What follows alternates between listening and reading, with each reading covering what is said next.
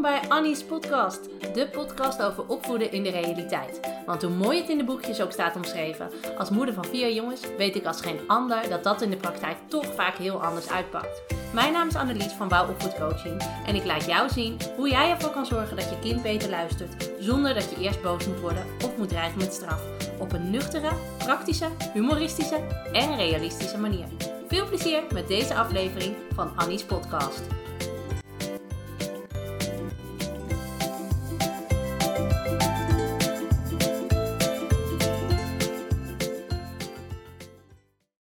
Gisteren was mijn oudste verdrietig en ik vroeg hem even wat er aan de hand was. En hij zei: Mam, ik baal er zo van dat ik zo weinig tijd heb om buiten te spelen. Met al dat huiswerk en al die toetsen en al die, al die zooi. Ehm, ja, uh, die jongens gaan iedere keer buiten spelen. Vrienden gaan iedere keer buiten spelen. Lekker voetballen. En ik moet steeds maar leren. Ja, weet je, het uh, leven van een middelbare scholier gaat niet over rozen.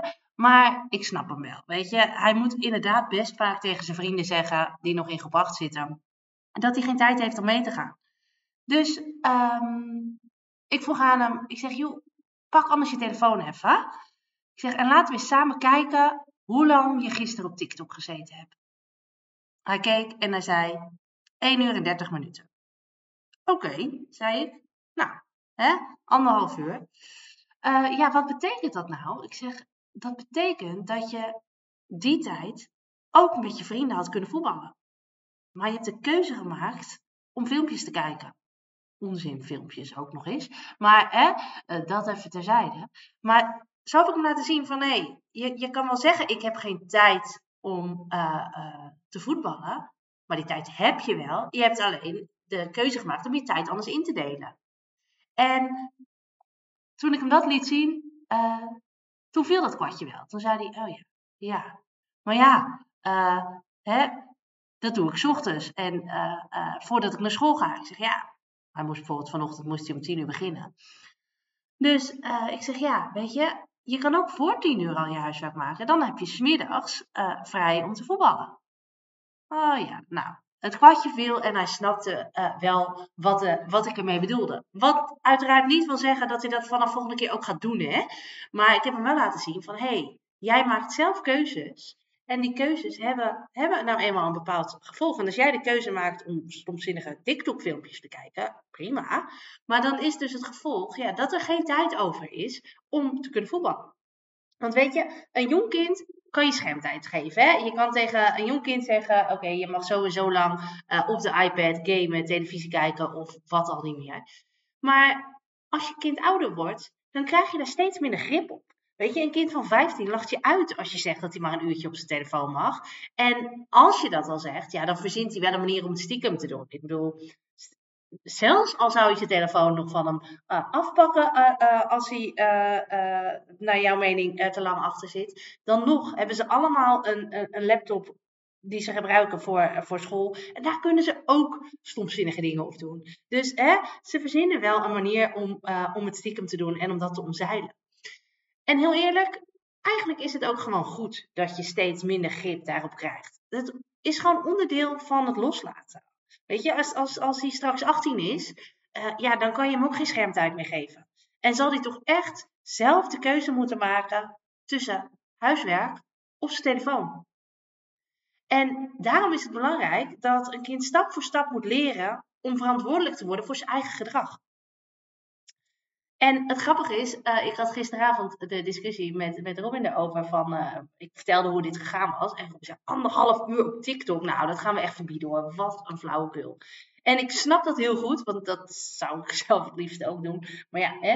Uh, maar ik zei tegen hem, ik zeg ja, eigenlijk wil ik juist liever dat hij zelf gaat inzien van, van hé, hey, doordat ik nu anderhalf uur stomme filmpjes kijk, heb ik geen tijd meer om te voetballen. En ben ik eigenlijk de hele dag voor mijn gevoel bezig met huiswerk. Uh, want je weet hoe het gaat, dat heb ik zelf ook. Als je een beetje door Insta zit te scrollen, is er zo weer een half uur voorbij. En je hebt het gevoel uh, dat je niks hebt kunnen doen. Terwijl je toch eigenlijk ook behoorlijk wat tijd weglekt aan onzin. Um, en als je diezelfde tijd zou besteden aan een boek lezen, heb je veel meer een voldaan gevoel. Dus ik herken dat ook heel goed. Um, dus ik had het er met Robin over en ik zeg ja, eigenlijk wil ik hem gewoon leren dat hij daar zelf verantwoordelijkheid voor mag dragen. En dat hij daar zelf ook ehm, nou ja, dan de gevolgen van gaat ervaren. En juist op die manier, daar leert hij meer van dan dat wij zeggen, je mag nog maar een uur per dag of je mag nog maar, uh, nou ja, weet ik veel wat. Hè? Ehm, want dat verantwoordelijk worden voor eigen gedrag, ja, dat is eigenlijk wat wij als ouders onze kinderen moeten leren. En let even op, daar moet je niet pas mee beginnen als die een puber is.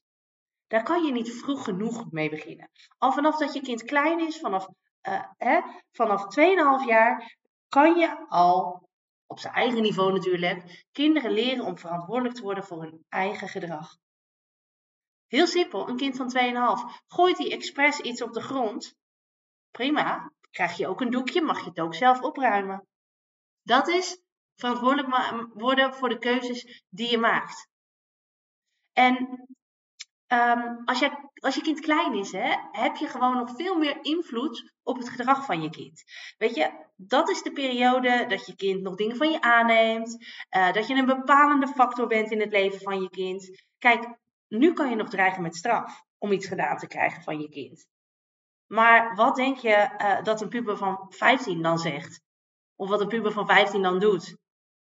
Nou, dat hoef ik denk niet uh, hardop te zeggen. Ik denk dat we allemaal wel weten uh, wat er dan gebeurt. Weet je, hoe ouder je kind wordt, hoe zelfstandiger die wordt. Maar dat is ook het moment dat hij steeds minder van jou aan zal trekken. Uh, hè, dat hij zich steeds minder van jou aantrekt. En dat hij steeds meer zijn eigen keuzes gaat maken. En hoe fijn is het als je kind dan al vanaf jongs af aan geleerd heeft dat hij verantwoordelijk is voor zijn eigen gedrag. En dat bepaalde keuzes ook bepaalde gevolgen hebben. Want alleen dan uh, zal je kind gaan ervaren uh, hoe dat soort dingen werken. En in de vorige podcast, ik weet niet of je die geluisterd hebt, uh, zei ik al dat ik vorige week in het zwembad was. En dat daar kinderen liepen met anti-slipsokjes. Um, en dat klinkt super handig. Want ja, dan kan je kind niet uitglijden. Niks is vervelender dan keihard vallen in het zwembad. Dus doe je kind anti-slipsokjes aan. Klinkt als een prima oplossing. Maar wat leer je je kind ermee? Dat hij zelf niet na hoeft te denken. Dat hij zelf, uh, uh, dat hij gewoon onvoorzichtig langs het zwembad kan rennen. Want hij heeft toch sokken aan waarmee hij niet uitglijdt.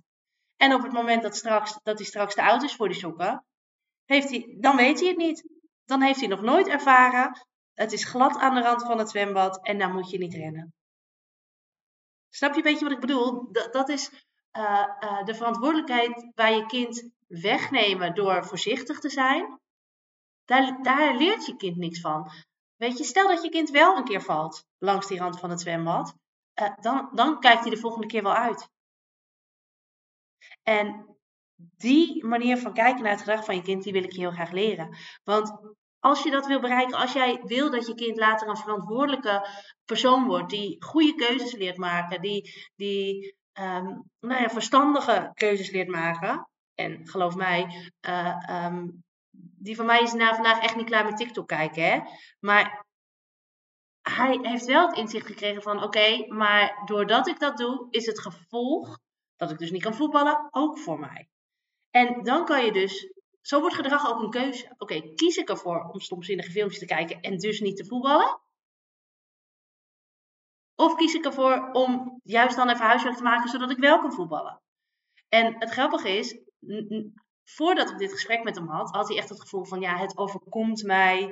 En ik heb zoveel huiswerk en ik ben zo zielig daarin. En uh, ik, ik ben de enige die niet kan spelen, bla bla bla.